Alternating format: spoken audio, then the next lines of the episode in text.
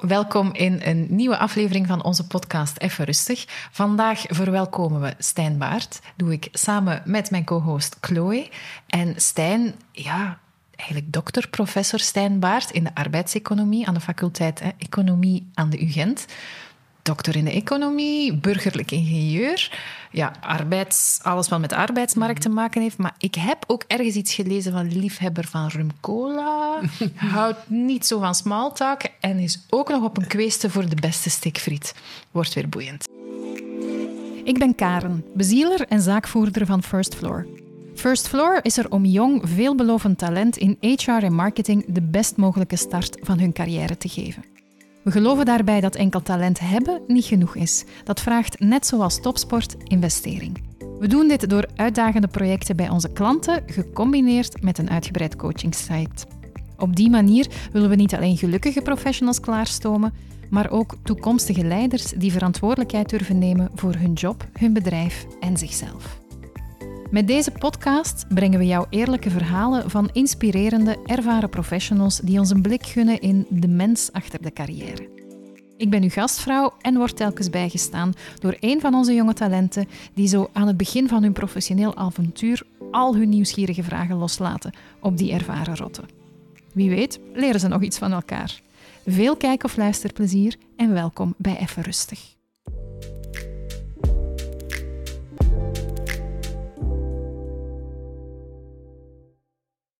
Dag Stijn, welkom. Ja, dag Karen, dag Chloe. Ja, fijn dat je erbij bent. Nee, met plezier. Jullie hebben hier een uh, mooie infrastructuur. Ja, we doen ons best. We willen de mensen altijd goed ontvangen natuurlijk. Mhm. En um, ook weer heel benieuwd naar jouw verhaal. Kan alleen maar tegenvallen. Oh, kijk, voilà, maar met die insteek kan het ook alleen maar meevallen. Ja, toch? juist. Zeg, Stijn, voor um, de mensen die jou niet zouden kennen, hoe zou jij jezelf... Hè, wie, wie is Stijn, volgens Stijn? Oh, uh, als je me die vraag stelt, dan, dan grijp ik terug naar mijn kernwaarden. Prima. Ik heb uh, ooit uh, acceptance en commitment therapie mm -hmm. gevolgd, wat eigenlijk mindfulness combineren is met Ja. waardegedreven leven. Waar dat je op zoek gaat naar jouw waarden en waar dan het beeld werd neergelegd van Alice in Wonderland die Mhm. voor de kat staat. En Alice vraagt aan de kat, moet ik links afgaan of moet ik rechts gaan? Ja. En de kat vraagt, ja, waar wil je naartoe? En zij zegt, ik weet het niet. Hè. En dan zegt de kat van, dan maakt het ook niet uit of dat je links of rechts gaat. En het zijn jouw waarden die jou eigenlijk jouw keuzes laten maken. En dan zijn dat er voor mij drie. Uh, dat is ten eerste goed of liever nog beter zijn voor wie dat goed is voor mij. Loyaliteit is heel belangrijk. Uh, al die zaken die je hebt genoemd daarnet in de introductie, die zijn allemaal aan de UGent. Uh, Dus ik heb, ik heb bijvoorbeeld met de UGent een zeer sterke band. Als ik mij zou snijden, zou daar geel en blauw bloed uitkomen. En dat is wel wat. Uh, dus, dus loyaliteit, maar ook ten opzichte van mensen die op een bepaald moment voor mij kiezen. Ten tweede is, is humor voor mij belangrijk. Dat laten voorgaan. Uh, als er een keuze is tussen iets gewoon doen of iets op een plezante manier doen, uh, zoals uh, in de tijd Postbus X uh, de Ja, van ja, ja, als het niet plezant kan, dan hoeft het niet. En dan ten derde uh, is het voor mij ook belangrijk om echt te zijn. Je hebt daarnet uh, een aantal dingen opgenoemd, van de ingenieur tot de biefstuk friet. Vind ik super mooi? En ik denk dat er veel collega's zouden zijn van we gaan dat kantje niet laten tonen, dat laatste. We gaan adapteren aan het klassieke beeld van wat een professor moet zijn. Maar dat is voor mij nooit een optie geweest. Mhm. Dus het is het volledige pakket of het is niks. Ja, er is een reden dat we jou hebben uitgenodigd. Ja, omdat dat ehm, iets is waar wij zelf ook ontzettend van houden. Iedereen heeft een heel verhaal en, en mensen die gewoon zichzelf durven en kunnen zijn. Mhm. Ja, ik vind dat persoonlijk een van de meest inspirerende dingen. Mhm. Wat er ook is. Dus, dankjewel. Schept een band. Voilà. Chloe, voor wie jou nog niet kent, wie is Chloe? Ik ben bijna 25. Ik heb een master in de sociologie. Mhm. Ehm, mensen noemen, als ze iets opnoemen over mij, is altijd mijn enthousiasme. Mhm. Ik eh, babbel ook heel graag. Eh, ik ben heel graag creatief bezig, zowel in mijn werk als eh, in mijn privé. Eh, familie is voor mij heel belangrijk. Dat is in een ja. nutshell eh, En creatief, hoe uitzicht dat dan? Ehm, privé of... Privé, ik haak heel graag. Ik eh, ben gepassioneerd door handwerken, maar specifiek eh, haken. Ik klus ook wel heel graag. Ah, dat is waar, je hebt dat verteld. Jij bent een kluscursus aan het volgen. Klopt, Ja. klopt. Zodat ik zelf een, mijn eigen huis zou kunnen renoveren Mhm. en zo. Dus ja, dat houdt mij bezig in mijn vrije tijd. Oké, en zeg, de creativiteit, heeft dat jou geïnspireerd om richting marketing uit te gaan? Of? Ja, er zijn echt ehm, veel ja, veel creatieve aspecten aan uh, marketing. Je kan met video, podcast, fotografie ook werken. Uh, maar campagnes bedenken kan je ook uh, met humor doen. Of om, ja, daar kan je ook creatief uit de hoek komen. Dus ja, ik kan mijn ei wel eigenlijk echt kwijt in Ja, marketing. ja, ja, ja. Oké, zeg, en toen dat we ehm, de gastenlijst aan het samenstellen waren, hè, dan verscheen op een gegeven moment al de namen. En dan had ik aan iedereen gezegd van, oké, schrijf er maar bij, bij wie dat je graag co-host wil zijn. En jouw naam stond eh, vrij snel bij Stijn. Ja, klopt. Eh, ja, ik vind het echt ehm, inspirerend ehm, dat jij inderdaad die loyaliteit vind ik echt eh, heel knap om te zien. En ik wil eigenlijk ook gewoon graag weten hoe dat, dat bij jou is gelopen. Ik ben super nieuwsgierig naar bijvoorbeeld, ja, was het altijd al een droom geweest om aan de UGent dan een professor uiteindelijk te worden? Of is dat gaandeweg gelopen? Dus ik ben daar eigenlijk wel echt heel nieuwsgierig naar. Dan gaan we daar eens induiken. Hè? Ja, Ja? Zeg, ehm, Stijn, ik begin altijd met de vraag van... Waar is het voor jou begonnen? Omdat ik merk, ik vind dat zelf heel fascinerend, als je zelf terugkijkt naar je eigen loopbaan, je verhaal, dat startpunt is voor veel mensen ergens anders. En, en waar zitten zo bij jou de zaadjes of het startpunt? ik denk dat die op verschillende eh, punten liggen. Eh, het, het professionele pad is, is toch altijd een beetje het verlengde van het, van het persoonlijke. En het persoonlijke determineert eh, de, de keuzes die je maakt. eh, Ja. eh, welke opleiding dat je gaat volgen en wat dat je daar, daar, daarna gaat gaan doen. Bij mij was het eigenlijk zo dat al toen ik een kleuter was dat er heel vaak tegen mij gezegd werd, verstrooide professor. Dus enerzijds het aspect van graag met cijfers bezig zijn, eh, beter kunnen vertellen dan andere kinderen, sneller kunnen rekenen, maar langs de andere kant heel veel in mijn hoofd zitten. De mindfulness van daarnet is niet toevallig dat ik op dat pad ben gekomen. Ik heb altijd veel eh, angst gekend, veel gepiekerd. Eh, en dus op dat pad van die mindfulness ge- gekomen, maar, maar het verstrooide hangt daar voor mij duidelijk mee samen. Dus ik, ik had dat wel. Ik, ik kon wel goed denken, ik kon wel goed eh, rekenen. Dus dan, dan ga je al richting meer kwantitatieve eh, richtingen wat dat je gaat studeren. Ik denk dat dat één, één stuk van het pad is. Ik denk dat een, een tweede stuk van het pad is dat ehm, ik het middelbaar onderwijs niet zo vanzelfsprekend vond. Dat ik dat eigenlijk een, een vrij zwarte eh, periode vond, waarbij ik op een klassiek college zat, waar dat ja, men u eh, een beetje onder druk zette. Ook heel goede leerkrachten, maar toch een systeem waar dat je een beetje onder druk stond om te presteren. Wat voor iemand die al intrinsiek gemotiveerd was, moeilijk was. Eh, wat er dan ook voor zorgde dat je er niet helemaal bij hoorde ehm, als je daar dan ook wel voor ging. En ik denk dat er van, van daaruit wel, wel afwijzing iets dat speelt bij mij, eh, verdedigingsmechanismen en het dan ook willen bewijzen. Eh, ik, de- dus ik denk dat, dat het altijd in mij heeft gezeten, een soort van ambitie, een soort van eh, capaciteiten om iets te kunnen doen. En dat die dan nog een een katalysator hebben gekend in, in wat moeilijke jaren waren. Die hebben getoond van, eh, ik zal het toch maar doen. eh. Ja, ja, ja, ja, en die twee dingen samen zullen, zullen veel bepaald hebben. Ik ben dan bulk ingenieur gaan studeren, zoals je het hebt toegelicht. Maar dat was de wiskunde om de techniek. Eh, dus ik had de aanleg om iets met wiskunde te doen. En bulk ingenieur was dan een, een keuze dat me nu zo'n beetje in, in duwde. Ehm, maar uiteindelijk was dat niet hetgeen dat ik in kranten las. Eh, de, de, de techniek, bruggen bouwen, computers bouwen en zo verder. Toen heb ik ontdekt, economie, we hadden een vak economie, dat economie eigenlijk de toepassing van de wiskunde was voor menswetenschappelijke problemen, om daarin te gaan optimaliseren. Uiteindelijk ingenieurswetenschappen, dat is het optimaliseren van zaken om de best mogelijke brug te bouwen, bijvoorbeeld, om een computer zo efficiënt mogelijk te maken. Daar gebruik je de wiskunde voor. Economie is eigenlijk hetzelfde. Dat zijn keuzeproblemen die je gaat optimaliseren. En het komt eigenlijk op hetzelfde neer. Je leidt een functie af en je stelt ze gelijk aan nul. En dan heb je een maximum eh, of een minimum. En dan heb je eigenlijk een optimaal punt eh, bereikt. En dat is in de economie eh, niet, veel, niet veel anders.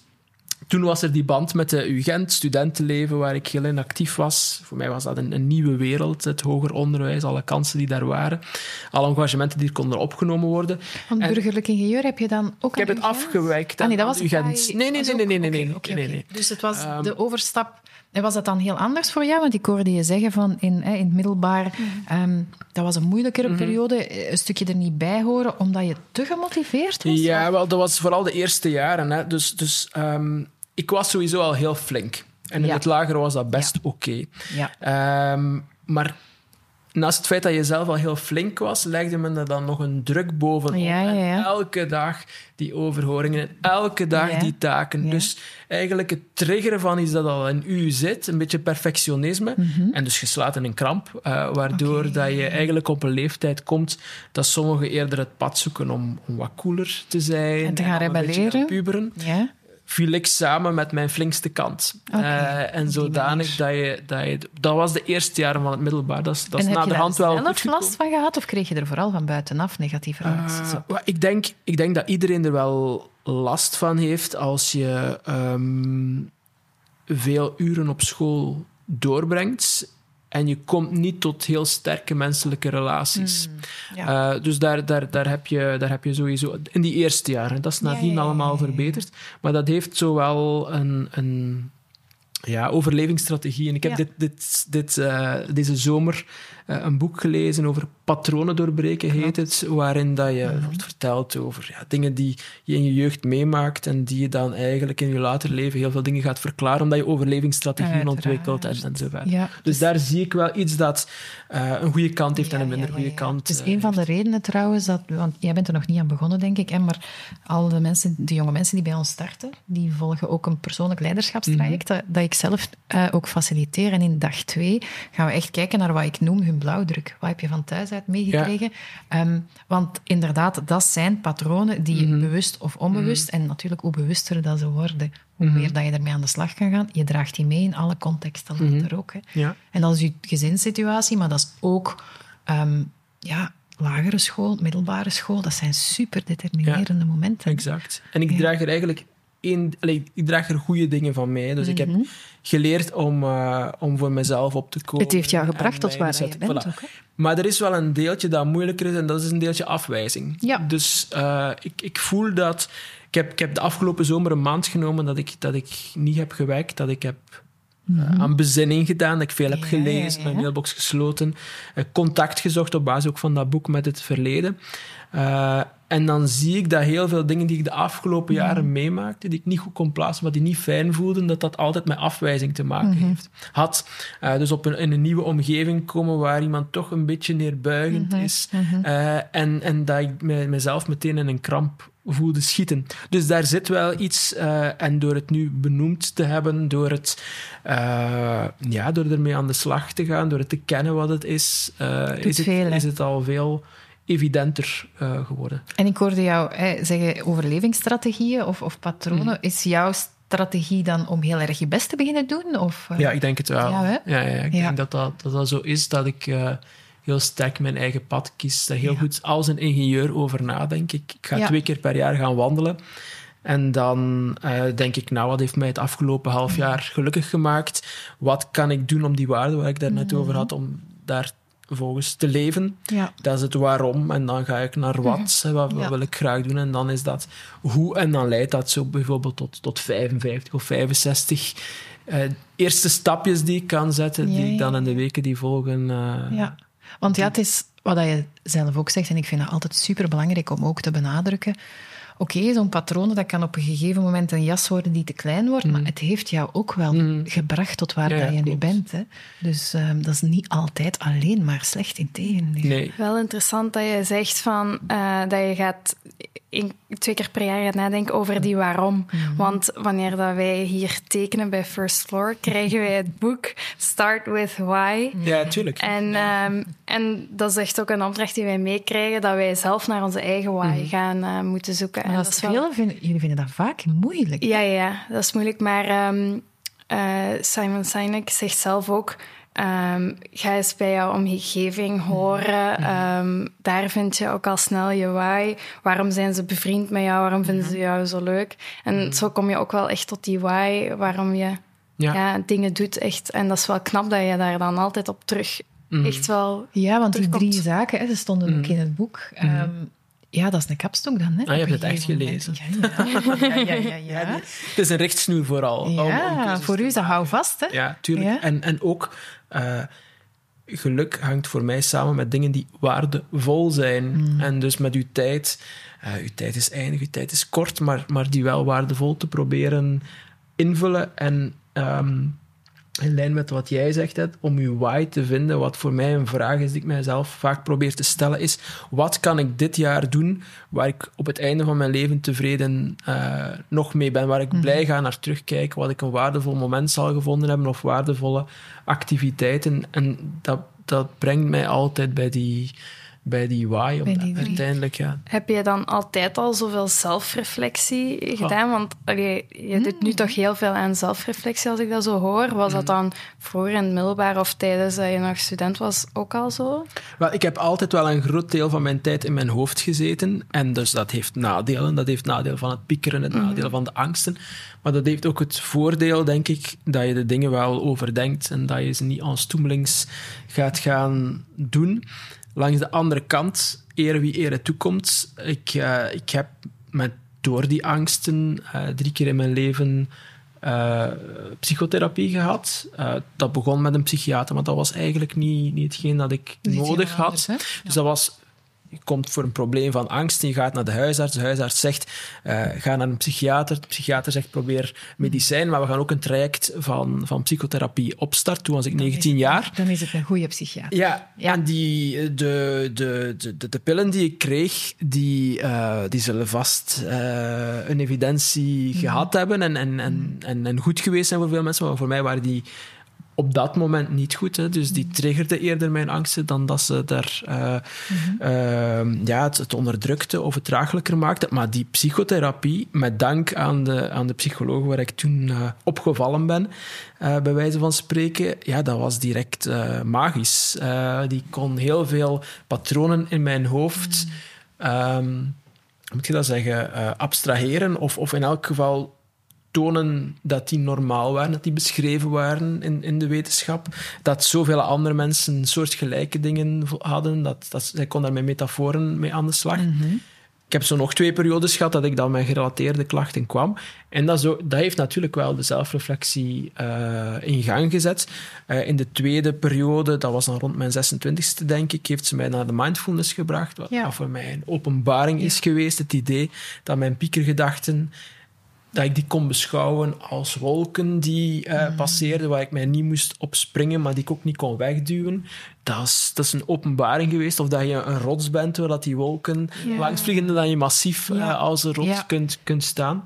En dan nadien, uh, rond mijn 33ste, de, de, derde en laatste periode, ben ik dan op het pad van acceptance en commitment therapie gebracht, waar die waarden er dan bovenop komen en dat die zelfreflectie enorm heeft getriggerd. Ja, want ik zag dat je ook het, het het staat in het boek dat je ook het boek over de valkuil of de valstrik van geluk, dat gaat ook een groot stuk daarover. Iemand anders, um, Ellen van Hoof, een van de gasten mhm. van de, de vorige seizoen, die sprak ook over dat boek. Over, ja, dat is een radiozender en uw antenne, mm. je moet niet... Ruis. Ja, ja, ja. dus dat zijn mooie metaforen. Hè? Ja, ik vind dat ook. En de valstrik van het geluk heb ik zeker al denk 15 keer aan mensen cadeau gedaan. Ja, omdat het ik voor mij dat jij die ook had. Het is daarom dat het mij bijbleef. zinvol ja. is. Ja, het, legt echt uit wat acceptance en commitment therapie is en wat dus waardegedreven leven is.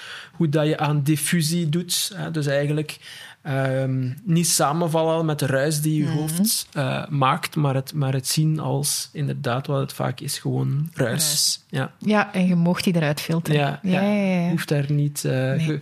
je, je, geeft daar aandacht aan, je ziet dat die daar is en je laat dat spelen en je probeert uh, de interessante de, de muziek te beluisteren. Ja, klopt. Zeg, ik hoorde jou ook zeggen, het beginjaren van het middelbaar, maar naar het einde toe is dat beter gegaan. Wat, wat, wat heeft voor jou het verschil gemaakt? Goh, ik denk voor een stuk maturiteit. uh, dus je wordt een beetje ouder. Um, en wat minder samenvallen met, met uh, ja, de flinke jongen die, die er wel is. Ja. Maar uh, ja, die het niet alleen is. Dus ik, ik, ik denk ja, maturiteit voor een ja.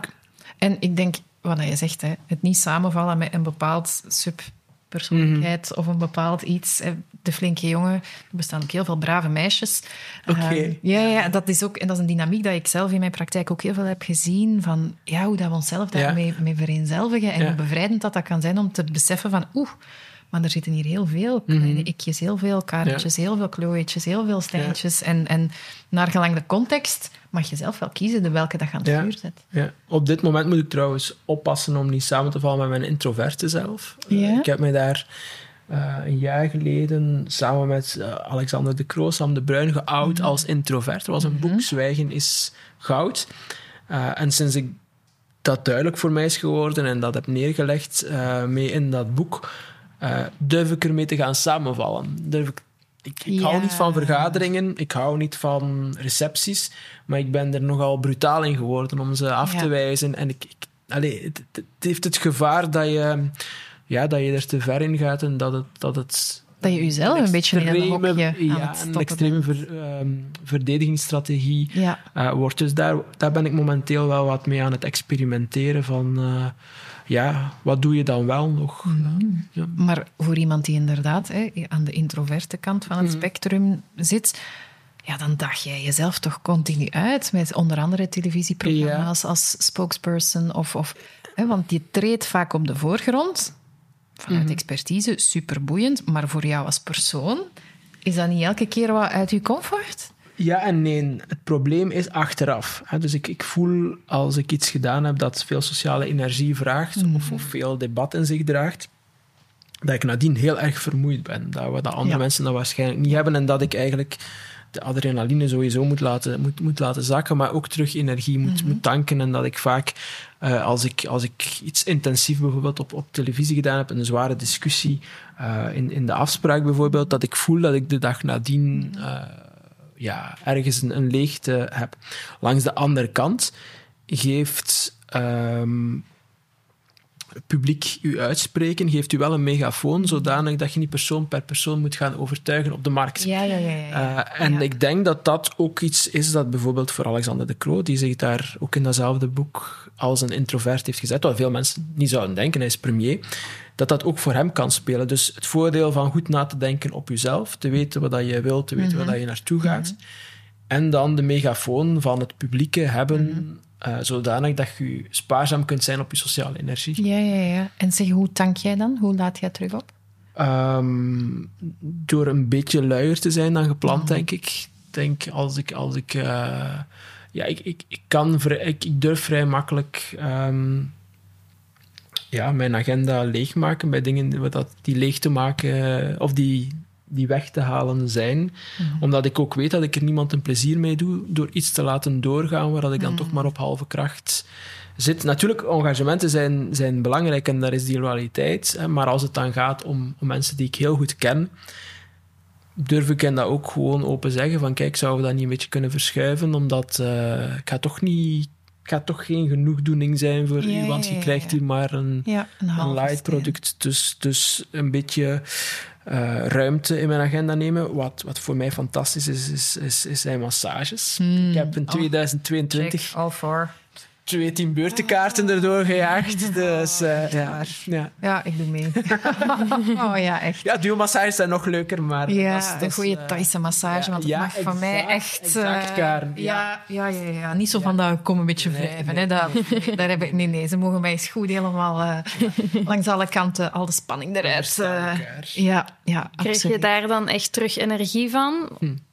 Ik weet het niet. Uh, het, het, het, het, het gevoel van er is iets in mijn hoofd tegenwoordig dat zegt, als ik mentaal vermoeid ben, of ook fysiek, dan wil ik gewoon liggen en mm -hmm. uh, mij overgeven, mm -hmm. bij wijze van spreken, mm -hmm. aan de massagebank. Je kunt in je bed kruipen, maar ik ben niet zo'n goede slaper en dat ontregelt je ook wel een beetje.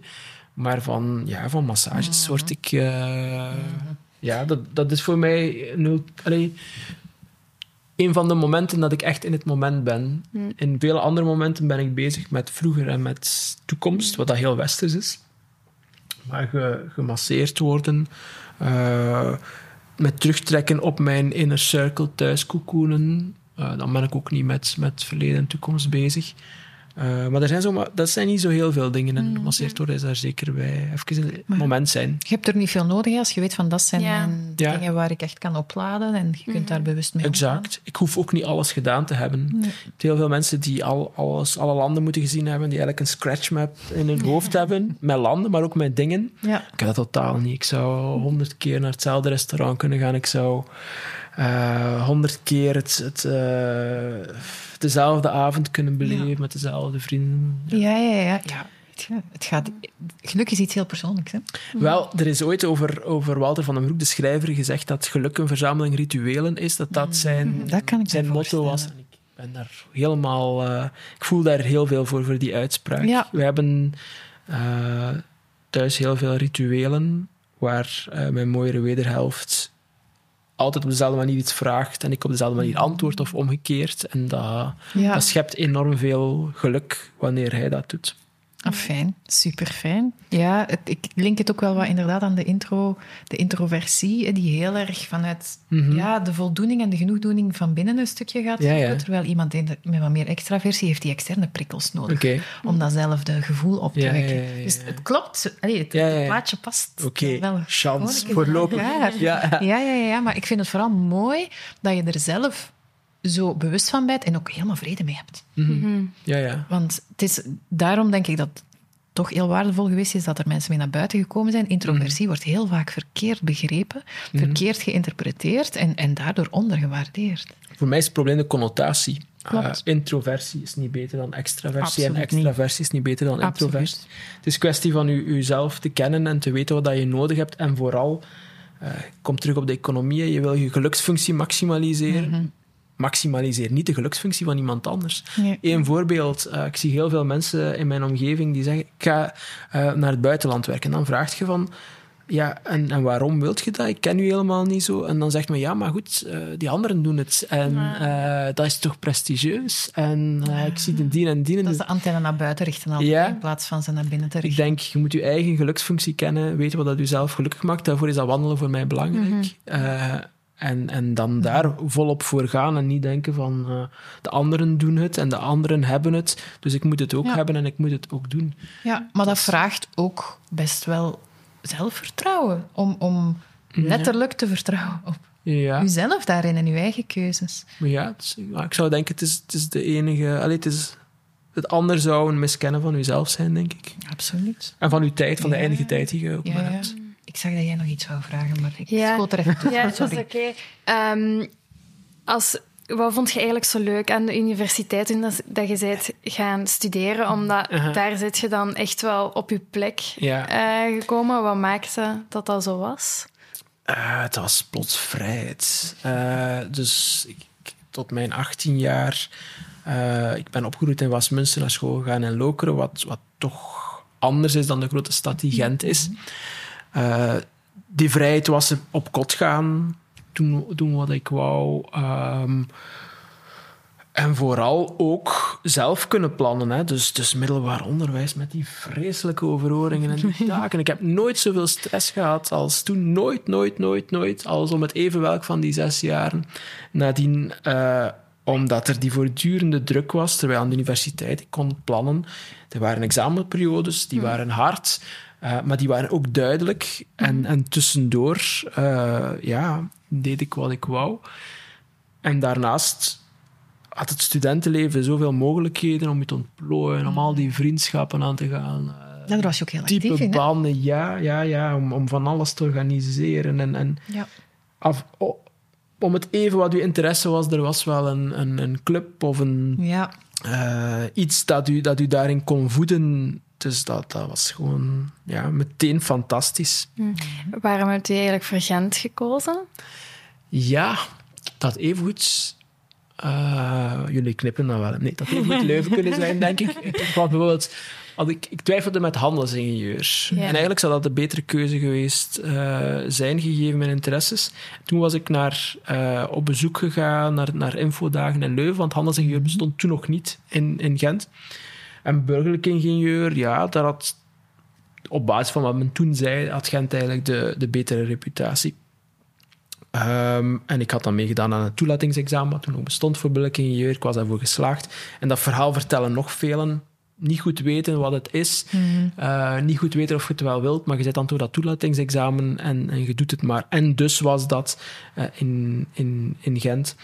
Ehm, wat mij wel in ik vond de sfeer wel een beetje anders, maar dat is een perceptie en dat is achteraf interpreteren. Ik vond het meteen wel wat opener in Gent. Ik vond, wij waren ook met de klas naar Leuven geweest op een. Uh, voor was dat de dag van de wetenschap of het een of het ander. En, en ik had toen de sfeer, wij gingen toen naar een studentenrestaurant met de klas. En eigenlijk hadden alle, alle kinderen van de klas, maar dat, dat was een, een toevallig moment, dat in dat studentenrestaurant een beetje vanuit de hoogte uh, werd, werd gekeken van, van die jonge gastjes zijn er. En ik had dat totaal in, in Gent niet toen dat we daar bijvoorbeeld voor de, voor de wiskunde-olympiade of zo moesten zijn. En dat zit altijd wel in mij. Er zijn weinig dingen waar dat ik altijd op afknap, maar snobisme en neerbuigendheid zit, daar wel, zit daar wel in. Dus ik kan uh, van vrienden hebben dat ze afwezig zijn, uh, dat ze, dat ze een, een, zeer grote persoonlijkheid hebben, of dat ze, uh, dat ze andere mensen ze misschien een beetje gek vindt, of een beetje egoïstisch. Of, of, allee, heel veel negatieve dingen kan ik hebben, zolang het geconterbalanceerd wordt met, met andere dingen. Maar neerbuigendheid, dat vind ik altijd moeilijk. Ik heb geen vrienden en ik zou geen relatie kunnen hebben met iemand die zichzelf echt beter acht dan een ander. Ik weet niet waarom het is. Mijn mama heeft me wel, wel altijd meegegeven als, als idee van kijk niet neer op iemand, het is niet mooi en, en Mhm. iedereen kan eigenlijk op u om dezelfde... Allee, er zal altijd iemand groter zijn, Mhm. iemand slimmer zijn, iemand rijker zijn, iemand mooier zijn. Dus het heeft ook geen zin. Maar om een of andere reden En laten daar tilt. En dat was een beetje het gevoel toen in dat studentenrestaurant. ook, Ja. of de aversie aan Ja, afwijzing ja, ook. Hè. Dat daar zeker. Dus we leggen hier de links. Ja, ja, ja, zeker. Ja, ja, Ah ja, tuurlijk, want neerbuigend zijn of snobisme, dat is per definitie mensen afwijzen. Ja, ja voilà. Ik voelde mij toen afgewezen in dat studentenrestaurant. Maar het had even goed iets anders kunnen geweest zijn. ja, ja. ja. Maar goed, dat is zoals verliefd worden. Hè. Waarom ben je op die ene persoon Ja. verliefd geworden? Een keer als het zover is, is Mhm. het zo. En eh, gaat je daar niet meer op terug. En is Ik dat... het moeilijk de vinger echt Ja. exact drukken op waarom. hè. Maar Ja. die grote liefde voor Gent, voor de UGent, die is mij overvallen en die heeft mij niet meer gelost. En ook gewoon algemeen voor een academische carrière Ja. dan. Hè? Want je hebt dan burgerlijk ingenieur, van, van waar daarna nog economie? Je hebt er juist het al gezegd, hè, omdat wiskunde en- en eigenlijk wat hetzelfde zijn. Ik kan het niet herhalen, ze Mhm. Nee. want daar ben ik niet slim genoeg voor. maar, maar ja, en, maar toen dat je het er juist vertelde, eh, oké, wiskunde en economie, het is een stukje hetzelfde. Dat, dat, ah ja, dat klinkt logisch. En dan zelfs gaan doctoreren Mhm. in economie. Wel, voor mij was het zo dat, dat ik, ik, ik wist het niet goed. Dus ik, ik heb zeven jaar gestudeerd in totaal. Vijf jaar welk ingenieur. Ik had al een beetje economie opgenomen toen. En dan in twee jaar economische wetenschap gedaan. Dus niet gewoon een, een, eh, een aanvullende master, maar echt de hardcore eh, Ja. economische wetenschappen, EW, zoals men, zoals Ja. men zegt. Ja. En toen in dat laatste jaar ja, moest ik het natuurlijk wel beginnen weten wat het ging zijn. En toen, ik wandelde toen ook al, eh, toen had ik gezegd van oké, het eerste semester ga ik alles wat in de privé is, is goed besnuffelen, naar allerlei beurzen gaan. Tegen het einde van dat semester wil ik weten van mezelf, want ik, ik wist het niet, hè, privé of academisch. Tegen het einde van dat semester eh, wil, ik, wil ik weten wat dat de first best is als ik in de privé ga. En dat was toen eh, voor mij een management traineeship bij Belgacom. Toen nog. Ah ja, toen Omdat, omdat ja. dat sloot wat aan bij mijn ingenieursopleiding, maar dat had ook zo wat de consultancy van, van de economie. Ik dacht toen van oké, semi-overheid. eh, ik, ik, ik, eh, ik onderschatte mijn eigen concurrentieel zijn en ik dacht, daar zal het nog wel meevallen qua, qua hyper hard zijn. Om een of andere reden. Het zal, ja, voilà. Eh, dat is, dat is een, was misschien een waan idee.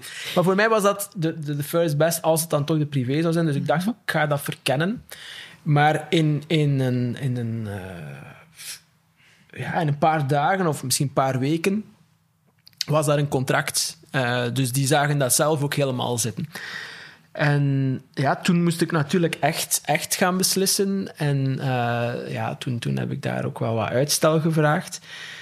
En ehm, toen heb ik beginnen nadenken van stel dat het dat niet wordt, dus dat ik toch voor het academische ga, wat zou ik dan het liefst doen? En dat was dan arbeidseconomie, dat is de tijd van het generatiepact, eh, waarbij over langer werken werd gedacht, dus dat veel in de actualiteit. Ja. En daar was een assistentenplaats, ik wou graag lesgeven als ik academisch zou blijven. En ook daar was dus het best mogelijke mogelijk.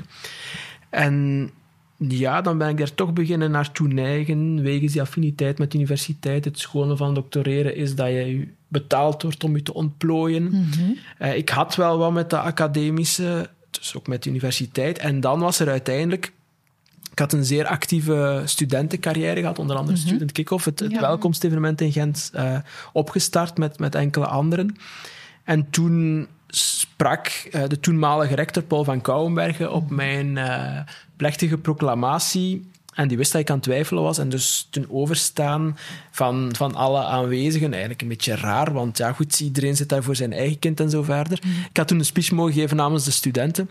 Eh, en hij zei van, ja, ik, ik- kijk, eh, uw, uw engagement voor deze instelling is altijd exemplarisch geweest en ik hoop dat je zult, eh, zult blijven. Dus dat was natuurlijk wel, ik weet nog altijd, 5 juli 2008. Ja, je begint ook te stralen. Ja, ja, ja. Ik, vond dat, ik vond dat wel mooi, want Ja. ik was in de tijd... Dat, is, dat is een fait natuurlijk, maar ik... ehm, eh, hij was in de tijd opgekomen als rector tegen de toenmalige vice-rector, Mark de Klerk, wat een, wat een vriend van mij was, waar ik goed al mee samengewerkt. Dus ik, ik stond achter Mark de Klerk als kandidaat-rector. Paul van Kouwenberg heeft het gehaald. En in die periode eh, die daarop gevolgd is, hebben wij toch een dermate vertrouwensband kunnen ontwikkelen, eh, dat ondanks dat je initieel in de verkiezing de, niet, niet, niet voor hem was, maar voor de anderen, eh, dat, je, dat je toch eh, ja, heel sterk dacht, eh, met een hart voor de instelling twee, dat dat dan toch een band kon, kon scheppen. En dat hij dan dat signaal geeft van ik wil graag dat je, dat je blijft. En met zijn zin ook heeft hij met zijn zin ook altijd gesteund. Ja, dat is, dat is wonderlijk en dat is echt wel wat dat een En ook instelling kan... Een stukje, een stuk erkenning. Ja, ja, ja. ja, ja. hetgeen, want Ja. uiteraard, dat komt niet uit, uit, uit de lucht vallen. Hè? Dat is omdat Nee. je ook iets betekend hebt voor die instelling. Hè? Toen Ja, al. ja, ja, ja. ja. Mhm. Mhm. Ja. En wa- waarom ik er juist zo keek van... ehm, is niet omdat je dacht van Belgacom, hè, dat is semi-overheid, dus niet zo concurrentieel, maar... En ik kan daar helemaal verkeerd in zijn, Stijn. Omdat ik zelf ook wel een beeld heb van de academische wereld, die Ja, ja. ook wel stevig... Ja. ehm, Ook daar heb ik mij in vergist. Echt Ja. waar. Eh, ik, heb, ik, heb, ik heb mij vergist in mezelf. Ik heb mij vergist in het, in het academisch. Hoewel dat ik natuurlijk... Ik had vier jaar namens de studenten in de raad van bestuur van de universiteit gezeten. Dus ik kende de intriges wel. Dus ik wist wel hoe het ging. Eh, maar toch heb ik mij daarop miskeken. En eh, ja, uit- uiteindelijk wa- was die, was die fitter wat dat betreft.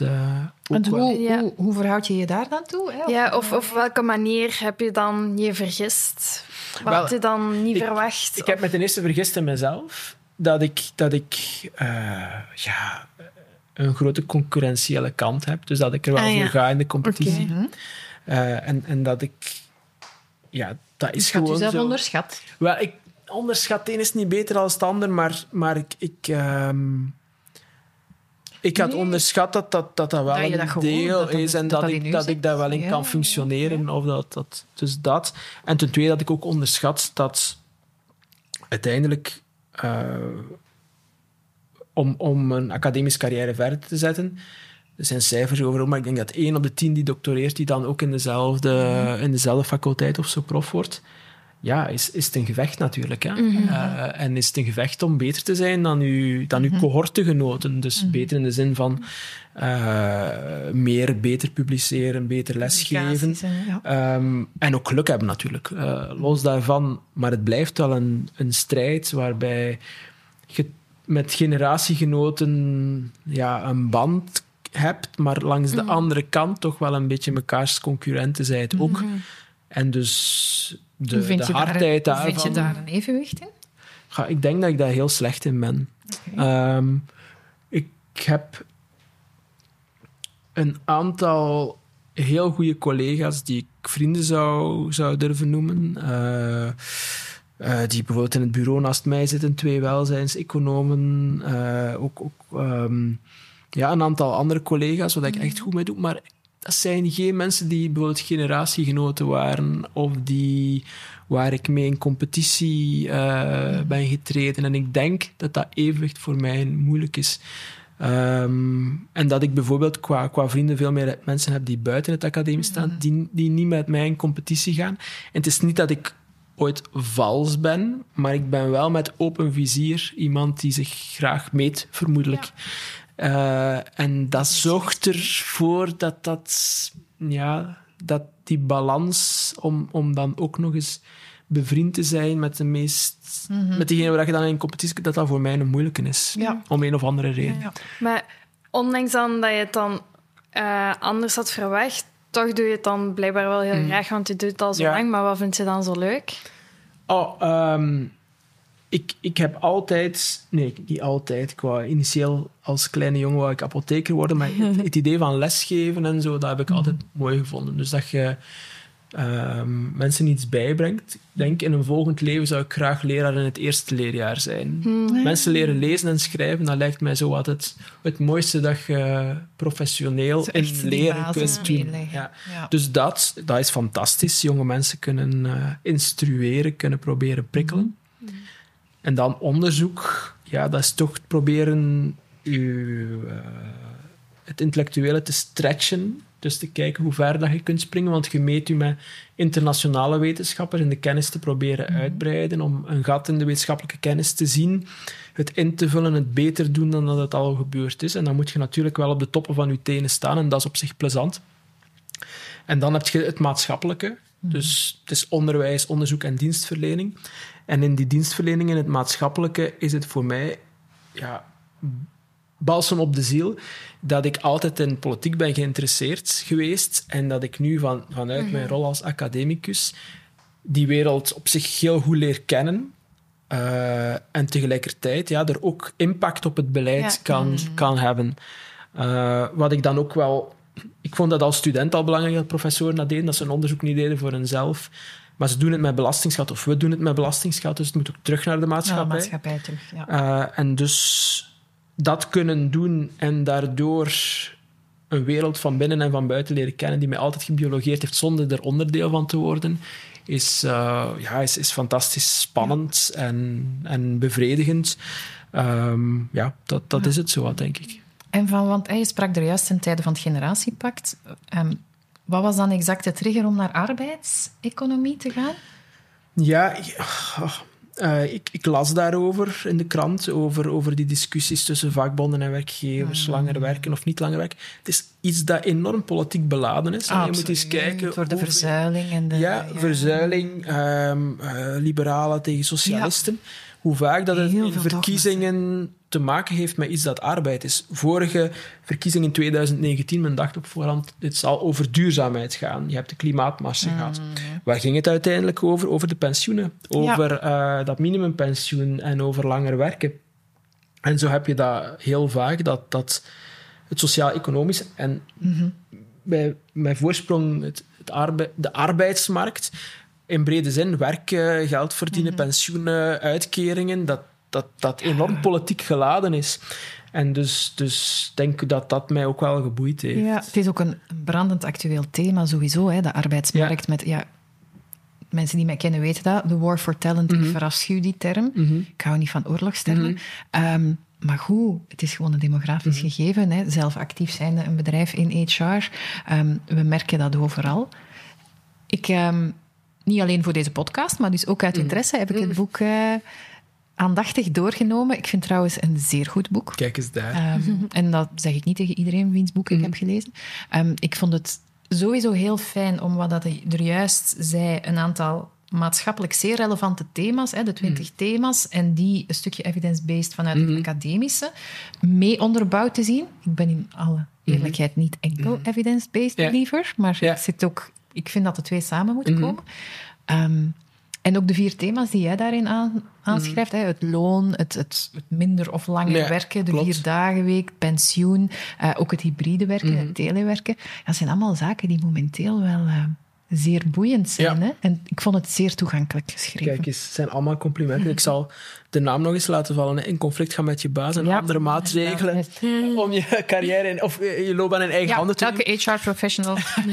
Nee, nee ik, ik, ik, eh, ik, ben, ik ben ook blij met het resultaat. Hè. Dus, dus wat we hebben gedaan is twee jaar geleden UGent at Work opgericht. Ja, vanuit Waar- de bevraging komen de thema's. Ja, hè? voilà, dat punt wou ik maken. Dus, dus op dat moment zaten proffen die onderzoek rond werk en arbeidsmarkt leiden, vooral op eilanden in de economie en sociologie, in de rechten, in de geneeskunde en de datawetenschap. We hebben gezegd, we gaan daar een netwerk van maken, zodanig dat die samen een puzzel leggen met hun onderzoeksresultaten en dan sa- samen naar buiten brengen. En ook omgekeerd de vragen vanuit de maatschappij capteren om een onderzoeksagenda mee vorm te geven. Dus hebben we gestart met een bevraging. Eh, dat is dan bijvoorbeeld in Nieuwe Feiten op Radio 1 aan bod gekomen. En hebben we gezegd, wat wil u als Vlaming weten over werk en arbeidsmarkt? En dan waren er 3000 vragen. En dan proberen we hier met 18 collega's uit heel veel verschillende disciplines daar antwoorden op te Ja. geven vanuit de wetenschap. Ja. Wat opnieuw ja, ons onderzoek of het onderzoek of de kennis, de wetenschappelijke kennis, terug laten stromen naar de maatschappij. Maar ik volg eh, dat idealiter dat je evidentie en ook ja, voor een stukje overtuiging eh, hebt. En er zitten dus ook cases in van wat voor ons werkt op dit moment. Ja. Onderbouwd of niet onderbouwd. Zit dan in kaderstukjes. Ja. Eh, zoals bijvoorbeeld voor mij... wel volgens die waarden leven werkt. eh, vergadervrije weken voor mij eh, werken. Al is het dan een, een luxe en zal het in, in veel omstandigheden met vergadervrije voormiddagen of, of dagen kunnen zijn. Ja, ja, ja. Maar om maar te zeggen, er, staan zeker ook dingen in die, die, eh, ja, die, die toch wel voor een stuk eerder uit overtuiging zijn en op die dat manier vind dan ik ook juist gebracht mooi. worden. Want hè, je sprak er juist van, hè, we hebben een netwerk opgebouwd. En want hè, proffen vanuit hun verschillende vakgebieden, Mhm. hè, wat in silo's. Maar iets wat ik heel jammer vind in het hele eh, welzijnsdebat Mhm. op vandaag, is dat ook daar nog heel tegengesteld Ja, ja. denken is. Hè. Je bent ofwel pro-evidence-based, Mhm. en dan is al de rest blijkbaar ja, spiritualiteit en zo, dat telt Ja. allemaal niet. Of, maar aan de andere kant geldt evenzeer de, de, de vooroordelen. Hè? Terwijl ik die ben juist en- iemand die juist gelooft van ja, maar kijk, het, ik, ook in HR, in recrutering, maar ook in marketing, ik geloof heel erg in psychologie. Ik geloof ja, ook in intuïtie, wat voor mij een vorm van weten is, waar we gewoon nog niet veel over weten. Maar dat onderbouwen dan ook, dat Ja. die twee gewoon constant koppelen, dat, dat is toch oneindig boeiend. en uitdagen, hè. het een Ja. het ander laten uitdagen en Ja. laten voeden. Eh, ja, ik begrijp wat je zegt. Ja, en dat vond ik fijn om ook in, in, in het boek en dan hè, de blogposts en de links daarachter. ehm, ja, stond iets wat, mij heel, wat ik heel tof vond vanuit de inleiding al, was het eh, concept slashers. Oké. Ja. Zo, want dat, zeker voor de nieuwe generatie, dus dat je, ik merk heel veel jonge mensen die niet meer één loopbaan, één rol, maar die bijvoorbeeld zeggen, ik ben marketeer, slash, ik heb een eigen eh, webshop rond haken, slash, ik doe ook nog dat. Zo, de slashers. Zo, de verschillende dingen die Ja. je gewoon combineert en zo eigenlijk zelf een beetje een mozaïek creëert vanuit uw waarde, Ja. vanuit uw talent. En vanuit uw echtheid. Het feit Ja. dat je als Chloe niet alleen eh, het ene bent, maar ook het andere. En dat je die beide durft etaleren zonder dat je vreest dat die met elkaar in gevecht gaan gaan. Vroeger zouden we misschien gezegd hebben, ah, maar je hoofdrol kunt je niet serieus invullen als jij ook. Nee. Zoals sommigen die mij in een ho- hokje willen duwen, ook nu nog altijd zeggen, ja, maar eh, gisteren heb je eh, over eh, heb je een biefstuk friet gerecenseerd op Instagram of op HLN. Ja, maar dan kun je niet meer serieus genomen worden over de arbeidsmarkt. Terwijl ik denk, oké, dat ik meer interesses heb dan, dan mijn vakgebied. Eh, ja, inderdaad, gelukkig. En wat zou het ene een af, afbreuk zijn aan het andere? Maar daar heb ik wel het geluk dat dat, dat, dat mij niet erg raakt. Mm. Eh, ik denk dat je het anders niet zou kunnen doen op het publieke debat proberen wegen als je eh, Waar elke raakt jou wel? als het vanuit de inner circle komt. Hè. Ja. Ehm, allee, inner circle breed bedoeld. Hè. Dus ik, ik, ik, ik- er is vaak kritiek, er is vaak eh, dat je in hokjes wordt gestoken. Maar wat mij bijvoorbeeld wel eens heeft geraakt, ik had in de coronacrisis ehm, een opiniestuk geschreven eh, met een 20 op 20 voor iedereen. eh, is geen enkele student geholpen of zoiets. Omdat er studenten waren die ehm, mildheid vroegen voor een situatie in corona, eenzaamheid en zo verder. Maar die tegelijkertijd zeer weinig mild waren naar professoren. Toen ze zeiden van, ik krijg geen antwoord op onze mails. Eh, er zijn technisch van alle dingen die verkeerd gaan. Ze doen hun best niet. En ik vond... en ook, ja, wij moeten eigenlijk... eh, ja, we moeten lat lager leggen. Zwart. Ik had daar een opiniestuk over geschreven dat nogal kritisch was ten opzichte van, van die studenten, met dus die titel. En toen had ik wel van studenten waar ik zelf les aan had gegeven, publiek kritiek ge- gekregen. En ik heb geen spijt dat ik dat heb gedaan, dat opiniestuk geschreven, want we zijn er dan in debat over kunnen gaan. Maar dat raakte mij wel. Dat voelde ik wel, dat dat, eh, hoewel dat, dat geen dichte vrienden of wat dan ook waren, dat dat dus buiten de inner circle en stricto sensu uh, viel, dat mij dat wel, uh, ja. dat, dat mij wel raakte. Ja, ja. ja.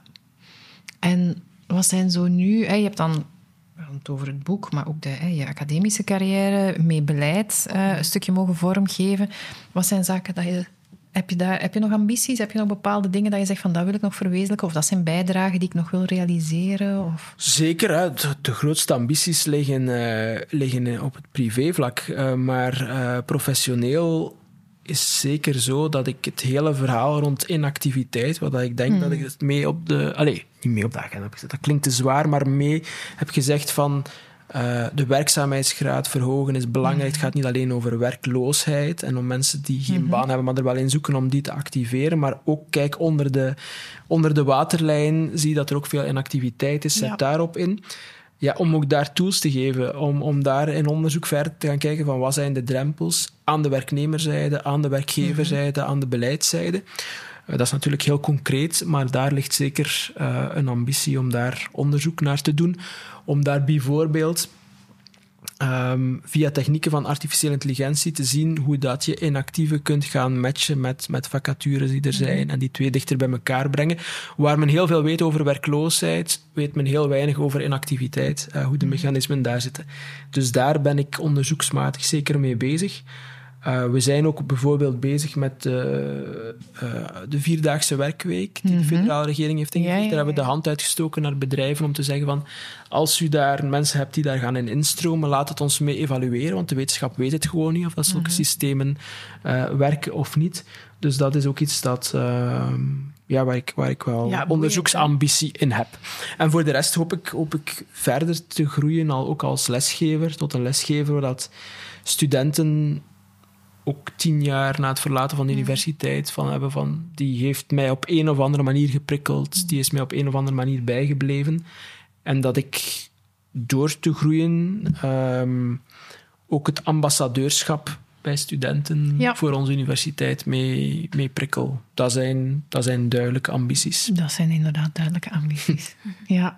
Zeggen, als je zo kijkt eh, naar die arbeidsmarkt, is dan voor jou het stukje de inactiviteit de grootste uitdaging momenteel? Ja, dat is natuurlijk heel, heel breed bekijken en je kunt daar geconcentreerd, mm in zijn en deelproblemen zien. Maar dat is toch wel een punt dat ik, dat ik heel fel heb willen maken de afgelopen jaren. Um, omdat het start met de, met, met, met de werkzaamheidsgraad. Dus, dus verschillende regeringen hebben gezegd, wij, wij willen meer mensen aan de slag. De werkzaamheidsgraad is een percentage mhm. van de mensen die, die werken.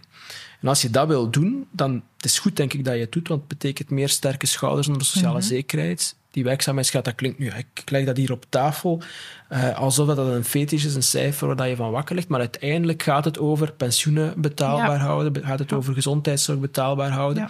Want op andere manieren, als je aan andere knopjes draait, belastingen omhoog, uh, uitkeringen omlaag, dat is niet wenselijk.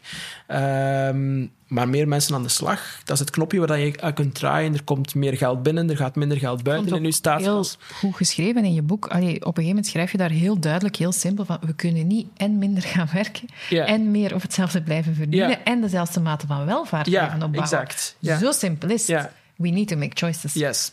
En als je daarvoor gaat, dan uh, zelfs wanneer dat je alle werkloosheid of alle werklozen tot nul zou reduceren, mhm. zou je nog maar de helft van de weg richting de 80% werkzaamheidsgraad bereiken. Dus het zal moeten komen van die derde groep uh, inactieven om dat gewoon op een niveau te krijgen van Nederland, van de Scandinavische landen. Mm Eén cijfer hè, van onze 25 tot 64-jarigen is 1,3 miljoen mensen inactief. Dus die zijn op leeftijd dat je zou verwachten dat men. En misschien even uh, voor de gemiddelde luisteraar ook, wat is de definitie van een inactief? En, dus je hebt eigenlijk je kunt elke leeftijdsgroep indelen in, in drie groepen. Werkenden, mhm. die hebben een baan. Werkzoekenden hebben geen baan, maar zoeken er één. Dan heb je inactieve zijn mensen die ook geen baan hebben, maar er ook geen zoeken. Dus die staan buiten de arbeidsmarkt. Qua werkloosheid doen we het normaal in België. Qua inactiviteit zitten we helemaal achteraan uh, de klas. Zijn wij land uh, 24, soms 23 uh, van de 27 Europese landen. Dus, dus maar een paar zeer slecht presterende landen, zoals Italië, Kroatië en Roemenië, Griekenland soms, doen het nog, doen het nog En hoe bepaal slechter. je als overheid het verschil tussen iemand werkloos die nog wil okay. werken en iemand Ja. inactief? Nee, het is, het is eigenlijk gewoon een, een administratieve definitie die, die daar gevolgd wordt. Een werkloze is iemand die zoekt naar een baan in die mate dat hij een werkloosheidsuitkering krijgt. Dus dat die, eh, Er is natuurlijk grijze zone tussen die twee, hè. Ja, ja, maar, ja, ja. maar het is... ehm, ja, het, het is een belangrijk onderscheid, omdat je natuurlijk, ja, werkzoekenden kun je proberen activeren richting vacatures die er zijn. Ja. Inactieve zijn, zijn moeilijker te activeren, maar er zit hier niks in het grondwater, waardoor voor eeuwig en drie dagen wij met dat zeer hoge percentage eh, zouden, zouden moeten blijven zitten. Nee. En heb je daar zelf zo, ja, uiteraard, zo als het allemaal, ik zeg altijd, als het allemaal heel simpel was, dan zouden er simpele oplossingen bestaan. Dat is niet. Ehm, maar heb je zelf al zoiets dat je zegt van, ja, kijk, dat zou al een grote hefboom Ja. kunnen zijn? Wel, ik kan daar twee sporen op zeggen, maar misschien eerst inpikkend op het, op het simpel zijn. Eh, zo een van die dingen waar men mij soms in een hokje probeert met te steken, is te zeggen van... eh, die man kan eigenlijk niet zo verstandig zijn, want alles wat hij zegt, versta ik. Eh, alsof dat... Dat, is, dat is een teken van intelligentie. vind- jawel. dat, dat is zonder, zonder te willen... Ik, ik vind Iets net- simpel uitleggen is voor voilà, mij een vertaalslag anders willen dan een simpele maken. Ja, ja, oplossing. dus een vertaalslag Ja, ja, ja, willen ja, maken naar ja. iets dat helder is, iets dat Klopt. ontvangergericht Anders is, is een, is een, is een, is een, is een ambitie. Eh, hoe, hoe kun je die inactiviteit aanpakken? Ik denk twee dingen. Langs de ene kant, als je iets wil verkleinen, moet je zorgen dat het niet vergroot. En dat wil zeggen, je moet de poort richting de inactiviteit een beetje sluiten. Anders is het dweilen met de kraan open. Ja. Eh, met name ehm, zijn eigenlijk twee grote uitwegen richting de inactiviteit. Dat is het vervroegde pensioen, alles wat voor 65 is, ehm, waar men toch uitstroomt, vervroegd pensioen, SWT, dergelijke meer. Ten tweede, ziekteverzekering. Het is duidelijk dat wij naar meer werkzaamheidsgraad, minder inactiviteit willen gaan, net om mensen die echt ziek zijn beter te kunnen zorgen. Mensen die kanker hebben, eh, om het even wat je wil, je wil eh, voor hen zorgen dragen. Maar dat wil er wel voor zorgen dat je beperkte middelen hebt die bij de juiste mensen moeten terechtkomen.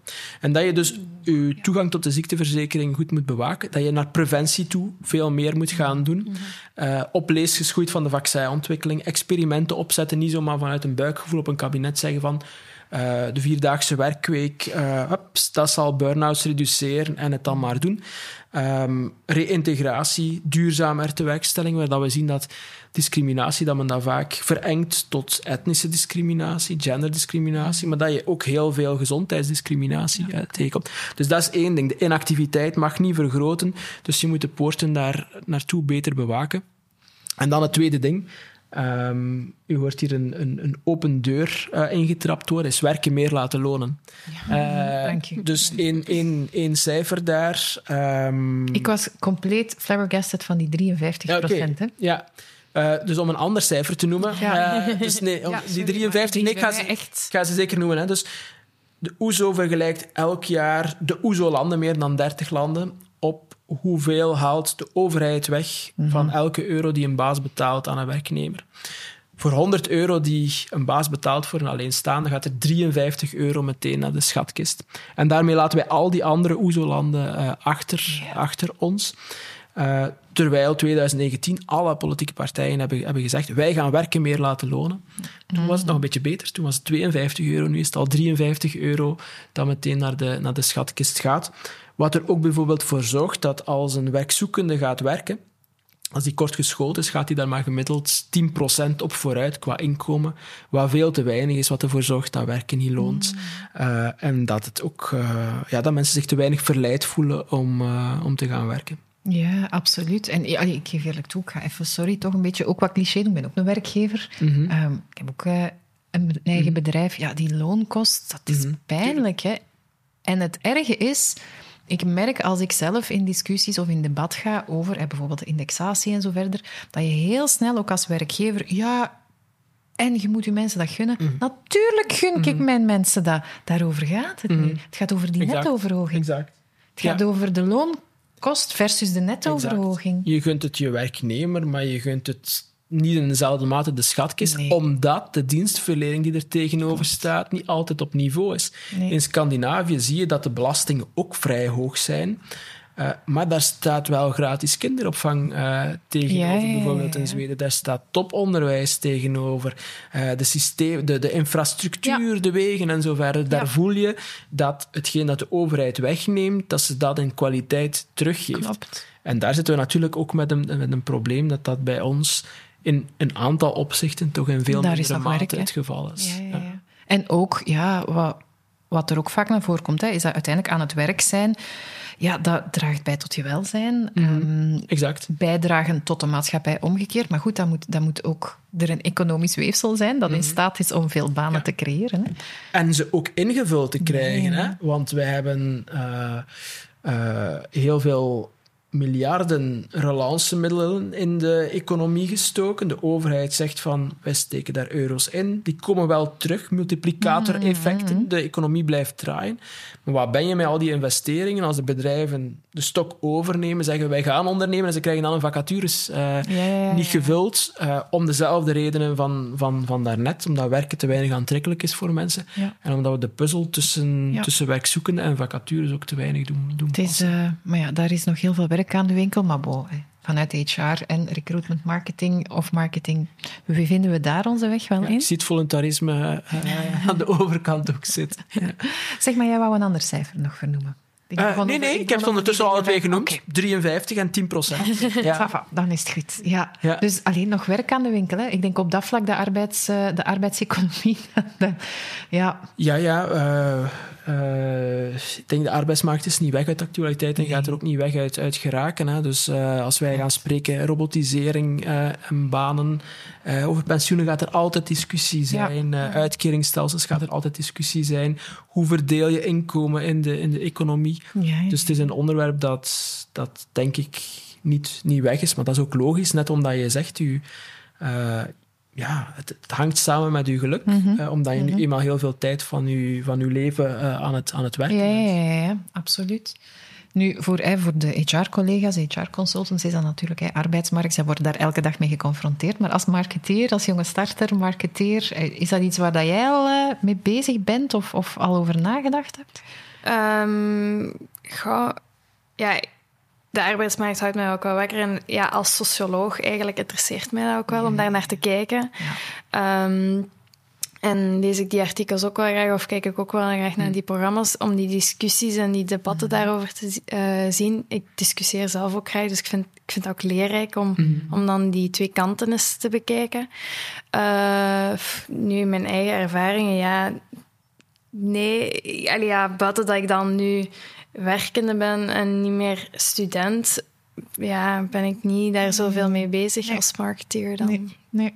Hoeft ook niet, hè? Nee. Het was gewoon een vraag uit nieuwsgierigheid. Ja. Oké. Zeg, je hebt je ambities, hè? die heb je ook nog duidelijk voor ogen. Ehm, zijn er zo dingen, dat als je zo terugkijkt, dat je zegt van ja, daar was ik nu eigenlijk wel echt heel trots op? Ja, er, er zijn verschillende dingen, hè, maar ik, ik vind het, het bij elkaar brengen van die eh, verschillende vakgebieden die vroeger eilandjes waren, om de puzzel volledig terug te geven eh, aan, de, aan de maatschappij en dus eh, een stap te zetten richting de belastingbetaler is wel iets waar ik fier op ben, omdat we ja, op twee jaar gewoon ook veel gedaan hebben om dat waar Ja, te maken. ja. Met al die kennisclips, al die blogs op de website van, van UGent at Work. En het, het boek, ja, ik, ik heb de afgelopen half jaar heel sterk gevoeld dat de tijd die ik daarin stak, Mhm.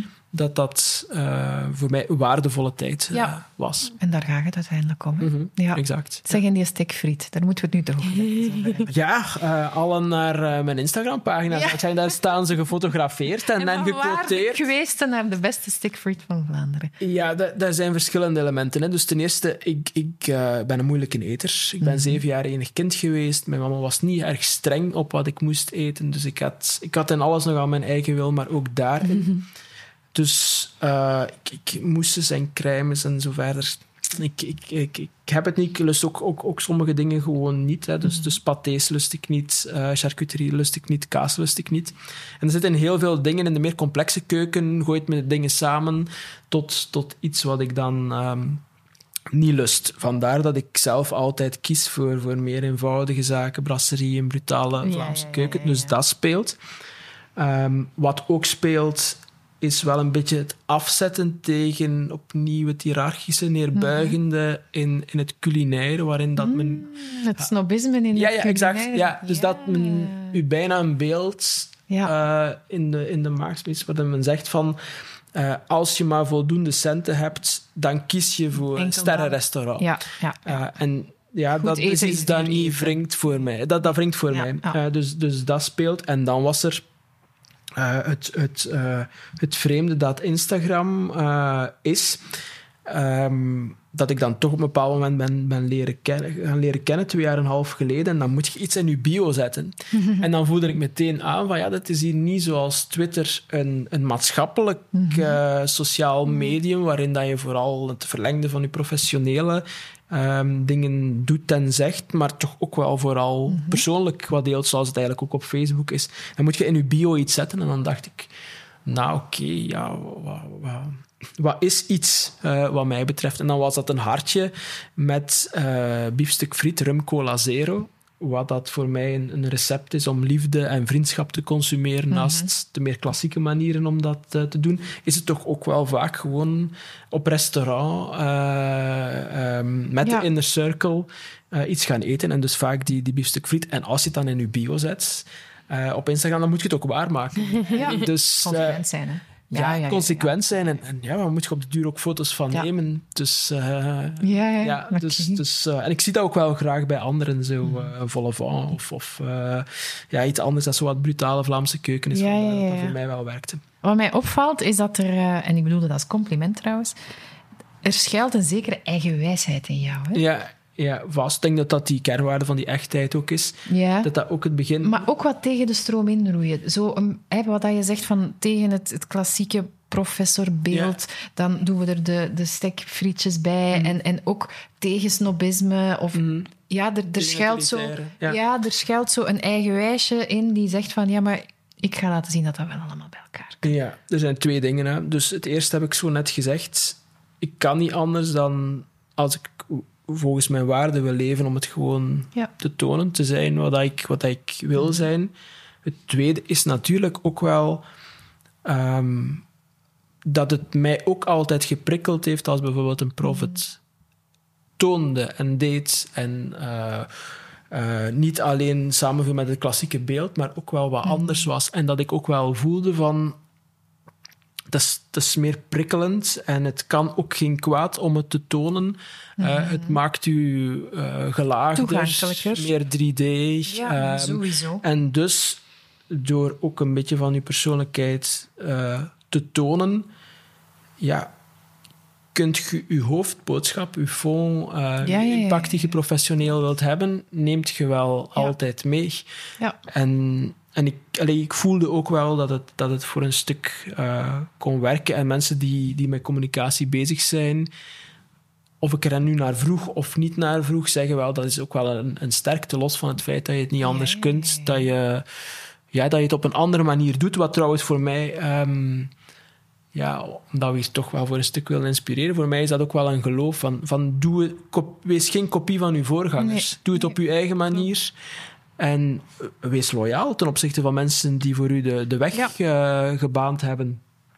Maar En zeker als doe je het niet noodzakelijk zoals hen. Het pad ligt er. Ja. Voilà. En als je een boodschap wil overbrengen, ja, hoe meer mensen die dan op een of andere manier met jou kunnen connecteren, Mhm. en ik denk dat daar herkenbaarheid, we hadden het er al eens over, ehm, een grote rol in is, ja, des te beter. Hè? En Mhm. Ja. ook die laagdrempeligheid kan echt naast expertise en, Mhm. en doorgedreven ehm, onderzoek komen. Hè? Ja, wat dan natuurlijk de keerzijde heeft, is dat je, dat je, dat je een, een deels een vals beeld van toegankelijkheid creëert. Want ik heb ook die introverte kant en ik, ik, eh, ik ga reageren als iemand mij een bericht stuurt, maar ik, ik ga niet... eh, heel veel mensen zeggen nu van, eh, laat ons eens gaan eten, ik ga je een biefstuk, biefstuk friet tracteren. Maar ben daar niet op zoek naar. Ik heb Maar mijn ook inner daar ben je gewoon heel en duidelijk ik- en heel transparant. ja, maar, maar het, het kan soms een... En soms verwijten mensen... Allee, verwijten, het is een groot woord. Maar mensen hebben mij al gezegd van...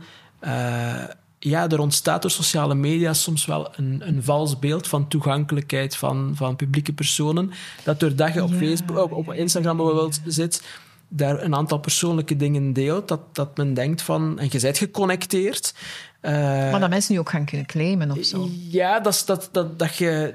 Ja, dat je echt dat toegankelijk, toegankelijk ja. ja zijt. En dat, je, dat je zoals een, een buurman zijt of zoals een, mm, nee, een goede kennis direct zijt. En dat kun je natuurlijk niet waarmaken. Nee. Uh, en dat ligt ook niet in mijn, in mijn aard om dat, om dat te willen waarmaken. Dat heeft niks te maken met, met uh, ik wil niet met u handelen omdat ik ah, nee, interessant vind, maar om, ik heb beperkte sociale energie. Ja. Uh, dus ik wil die biefstuk friet met, uh, ja, met, met inner circle, circle. gaan ja. eten. Ja. Ja, ja, ja, nee, nee, absoluut. Iets wat mij, ik weet niet of het klopt, Stijn, iets wat mij wel opvalt, is dat voor iemand hè, die zichzelf beschrijft als iemand die heel veel denkt en, en um, als jouw kracht, ik hoor, oh, en je gebruikt het woord ook veel, ook heel veel voelen. Oké. Okay. Um, ik, ik, ben heel benieuwd dat je dat verder exploreert. Zeg eens wat dat, wat dat dan voor jou. Ja, omdat in jouw uitleg, hè, je hebt ook, als je, je, je, gebruikt het woord ook vaak, ja, voor mij voelt dat niet okay. goed of ik voel dan. En dan ja, ja, dus ik denk dat daar niet alleen een denker zit, nee, maar nee, nee. eigenlijk ook een grote ja, voeler. Ik ben wel gevoelig, maar ik weet niet of dat ik, of dat ik dingen vaak zo goed aanvoel. Dus ik, uh, vaak moeten de dingen nogal expliciet zijn eer dat ik ze versta, hmm. denk ik. Maar misschien vergis ik Maar vanuit jezelf, daarom wel van buiten naar binnen toe mm. misschien. Maar de omgekeerde okay, okay, beweging, ja. van binnen van jou ja, uit, hè, ook weer de introversie zijnde, en, en de, de wereld daar naar buiten toe, hoor ik heel vaak een gevoelsargument meespelen. Fijn. Ja, ik ga... Kijk, ik ga moeten, moeten luisteren naar, uh, naar dit maar daarom, gegeven om het eruit te halen. Het is, het is gewoon een, een, perceptie van mij nu. Ja, op, ik ben uh, alleszins gevoelig. Mm. Dus het, het denken en zo... Uh, staat daar voor mij totaal niet mee in contrast. Nee, dus, maar dat bedoel ik ja. misschien. Ik heb het gevoel dat die twee ja. elkaar wel vinden voor okay. jou. Ja, ja. ja. Al een chance. Mooi, hè? Mm-hmm. Ja. ja. ja. Voilà. Hoe was het om zo zelf eens terug te blikken? Uh, wel, ik heb het... We gaan dat maar uh, toegeven ten opzichte van wie, wie luistert en kijkt. Ik heb op voorhand ook al gezegd dat ik het vrij makkelijk vind om ja, vragen te beantwoorden. Ja zelf beginnen vertellen, mochten we hier gezeten hebben in een... Dat dat uh, toch ook vlotjes ging, hè? Ja, ja, ja. ja, ja. Wel, ja maar, maar ik, wil maar zeggen... Zoveel vragen hebben we niet moeten stellen, nee, hoor. Maar, mocht, wel, maar je hebt mij wel de structuur gegeven en de handvaten gegeven om te vertellen, terwijl mochten wij nu zonder die structuur met elkaar in debat gegaan mhm. zijn, dan ben ik niet de verteller in een, in een gezelschap. Ik ben te veel aan het denken van, wil die persoon dat weten? Ga ik dat al uh, brengen? Dat zal ook met die afwijzing te maken hebben. Ja. Maar je hebt de vraag gesteld en, het waren, en, ja. en, je hebt ook vaak links gelegd tussen dingen die ik misschien nog niet helemaal zei. Dus we zijn allemaal gelukkig daar. Allee, fijn. Hoe vond jij het, Chloe? Ik vond het heel interessant. Ja, okay. ik, ik, vind het heel fijn. Ik heb wel nog een vraag. Ja, tuurlijk. Naar wie kijkt je bijvoorbeeld op? Goh, ik heb mij die vraag al vaak gesteld en ik heb die vaak al voor mezelf uh, geantwoord. Maar zo, um, ik kijk op naar, naar collega's, professoren die ten volle zichzelf durven zijn. Bijvoorbeeld uh, Wouter Duik, de, de, onderwijsspecialist, is ook iemand de, de kleine jongen in zichzelf uh, durft te tonen. Ik kijk op naar mensen die, die veelzijdig uh, zijn, die heel veel dingen kunnen. um, en de persoon dat dat nu soms zelfs een beetje in, in ik kan niet zeggen jaloezie, maar toch... Um, ja, dat je toch de, de, ik ga hem de naam noemen, Aster in zijn mana, vind ik. Ah, ja? Die heeft naar dezelfde middelbare school als ik weet, ja. tien jaar later, dus ik heb hem daar niet gekend. Maar als ik die bezig zie, en er komen nog mensen van die school, hè, Lieven Scheire komt mm -hmm. van daar. Uh, uh, Jolien Roets uh, komt vandaar. Uh, maar ik heb het gevoel van, die mensen zijn heel goed in wat ze doen. En ik, ik, ben, ik, ik vind dat ik, dat ik daarin in mee kan op mijn, op mijn terrein.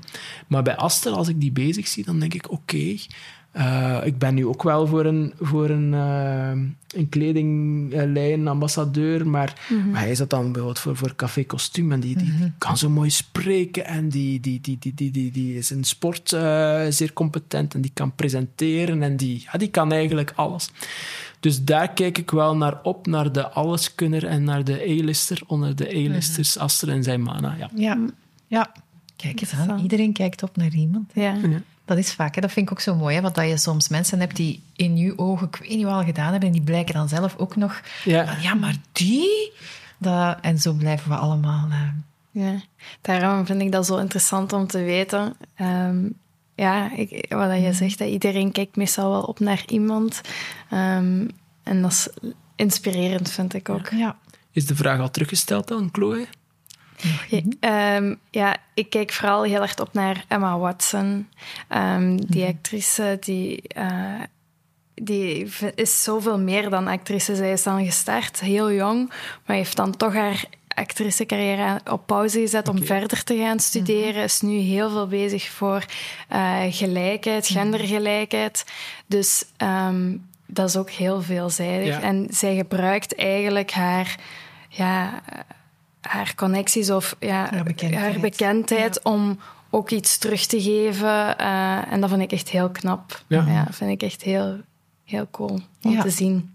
She's her own woman. Ja, inderdaad. En zij, zij geeft ook echt iets terug aan de maatschappij. En ja, dat vind ik heel inspirerend, want er zijn al zoveel andere acteurs of actrices uh, ja, dat pad uh, voorgegaan mhm. en gewoon blijven acteren, wat dat ook helemaal prima is. Hè? Maar zij mhm. Heeft het op haar eigen manier dan gedaan. Ja, nee, klopt. Mm. Inderdaad. Zeg, je zei er juist dat je het heel interessant vond. Is er inhoudelijk iets bij u blijven hangen of iets dat triggert of prikkelt? Ja, ik vind het super interessant, uw verhaal. Ehm, wij zijn een beetje tegenpol in de zin van... Jij bent heel introvert en um, ja, piekert. En ik mm. ben heel extravert. Ik laat mezelf echt op door anderen. Maar mm. daarom vind ik dat zo interessant om naar te luisteren. Uh, want ja, ik leer daar ook heel veel uit. Ik heb mhm. ook in mijn nauwe kring iemand die ook meer introvert mhm. is en, en veel piekert. En dan vind ik ook leuk om daar meer over te weten, om mhm. daar rekening mee te kunnen houden. En, um, en daarom vind ik het ook fijn om te horen van wat geeft u bijvoorbeeld energie. Ja. Uh, dus ja, dat stukje... Ja, gaat de Thaise heel... massage naar elkaar. ja. Dat vond ik echt uh, heel inspirerend, maar ook gewoon uh, mooi om te zien dat jij zo loyaal bent uh, mm. aan jouw werkgever en toch zo dat competitieve dat eruit komt. Ja, ik vind, uh, ik vond het een heel fijn gesprek. Dank u wel voor ja. de goede punten trouwens. Um, wat die introversie en zo verder betreft, ik ben het daarmee eens. Dus door het boek Zwijgen is Goud van Jan Segers, waar we met ons met een aantal mensen hebben geout als introvert. Het voordeel is, mensen voelen zich minder alleen die introvert mhm. zijn. Maar voor degenen die extravert zijn en die misschien samenleven met een introvert, uh, is het, kan het wel een soort van, niet een handleiding is veel gezegd, maar, maar geeft het toch aan van een aantal dingen die je, die je ook de introvert beter mm. kunt toestaan. En trouwens, uh, ik zou het ook zelf niet anders kunnen dan met een extravert samen uh, te leven, omdat uh, ja, dat is het evenwicht. Ja, ja, ja, tegenpool ja, elkaar altijd. Exact, ja. Ik bedoel, ik... Um, uh, zogenaamde broertjesrelaties uh, of zusjesrelaties, waarbij dat je eigenlijk op elkaar begint te lijken en, en hetzelfde bent. Uh, ja, dat, dat, zie ik niet voor mijzelf. Ja, ik heb dat die, die, die passie, die, ja, die complementariteit, dat, is, dat is veel meer mijn ding. Dus ja. Ik snap het. Ja. Boodschap naar het thuisfront. Dank u wel om mij zo gelukkig te maken. Ja, dat is nog schoon. Ja, ik voel nog zoveel thema's waar we nog heel lang over zouden kunnen blijven babbelen. Maar um, ik rond altijd af met de vraag van... Um, als jij zelf nu een advies, hè, met hetgeen waar je nu staat en wat je geleerd hebt, zou mogen teruggeven aan je twintigjarige zelf, twintigjarige Stijn ongeveer, hè, die leeftijd, wat, wat zou dat zijn? Ja, eigenlijk is dat het advies dat ik, dat ik als kleine jongen al kreeg. Dus durf toch iets meer voert zeggen tegen de dingen. Ik heb het gaandeweg een beetje geleerd. Uh, ik vind er nu wel een evenwicht in dat ik, dat ik uh, ja, durf denken van het, het, het is wel goed uh, zoals het is. En het, dat horen we toch vaker bij dat advies hoor, na de twintigjarige. Van durf van meer gewoon durven sowieso, maar ook voort zeggen en je mm. eigen ding volgen. Ja. En, ja. Het, uh, het komt wel goed, uh, zolang dat je gezond bent. Ja, dat is waar. Um, ja. Ja, durf voort zeggen, hetgeen dat, dat mijn mama al tegen mij zei toen dat ik zeven, acht jaar en niet helemaal begreep. Ik vond dat een rare boodschap. Ik had er beter meer naar geluisterd. Ja, ja. Zeggen of ook niet. Hoe zou uh, jonge of kleine, ja, jong zijn we nog allemaal, hoe zou het kleinere Stijn nu kijken naar de Stijn die je nu geworden bent? Wel, hout vasthouden, maar ik denk dat hij heel content zou zijn, dat hij het zich niet voor mogelijk had geacht. Hè. Dus ik heb daarnet gezegd, ik, ik was geïnteresseerd in, in politiek. Uh, ik kan die wereld nu leren kennen, zoals ik dat juist heb gezegd, er impact op hebben. Ik ben ook een kind van de, de jaren 90, het begin van VTM, mhm. dat biologeerde mij. Mhm. Dus, dus ook de mediawereld en zo verder van binnen leren kennen. Eh, professor kunnen zijn. Er was niemand in mijn omgeving die naar de universiteit was geweest. Dus daar zijn ook, ook een, een, een, een waardevolle relatie uh, uitbouwen. meer dan waardevol. Uh, maar, maar dat alleen al was iets wat ik bijvoorbeeld in het middelbaar... Niet kon Zal er mij iemand ooit graag zien? En zal dat dan mhm. iemand zijn die ik zelf graag zie? Mhm. dus er zijn op dit moment heel veel dingen waar ik waar ik echt heel content uh, over ben. Dat kan morgen veranderen, kan morgen iemand ziek worden mm die, mhm. die cruciaal was in mijn leven, maar op dit moment uh, zou ik zeker getekend hebben en meer dan één keer uh, op jonge mhm. leeftijd voor nu dit te kunnen doen. Mooi, heel mooi en ik gun het u van harte. Oh, super lief. Voilà. Ik zou zeggen, dankjewel om tot hier te komen. Aan iedereen nog eens, hè, lees het boek. Um, aan u vooral, blijf dat academische en al dat onderzoek vertalen naar, de, naar ons in de maatschappij. Ik denk dat we daar allemaal heel veel baat bij hebben. Um, dankjewel beiden voor de fijne vragen en het fijne gesprek. Dankjewel. Dank je. Dankjewel om te kijken of te luisteren naar deze aflevering. Hopelijk heb ook jij genoten van een momentje even rustig. Benieuwd naar nog meer eerlijke verhalen? Abonneer je dan zeker op een van onze podcastkanalen via Castbox, YouTube, Spotify of Apple Podcast. Tot dan!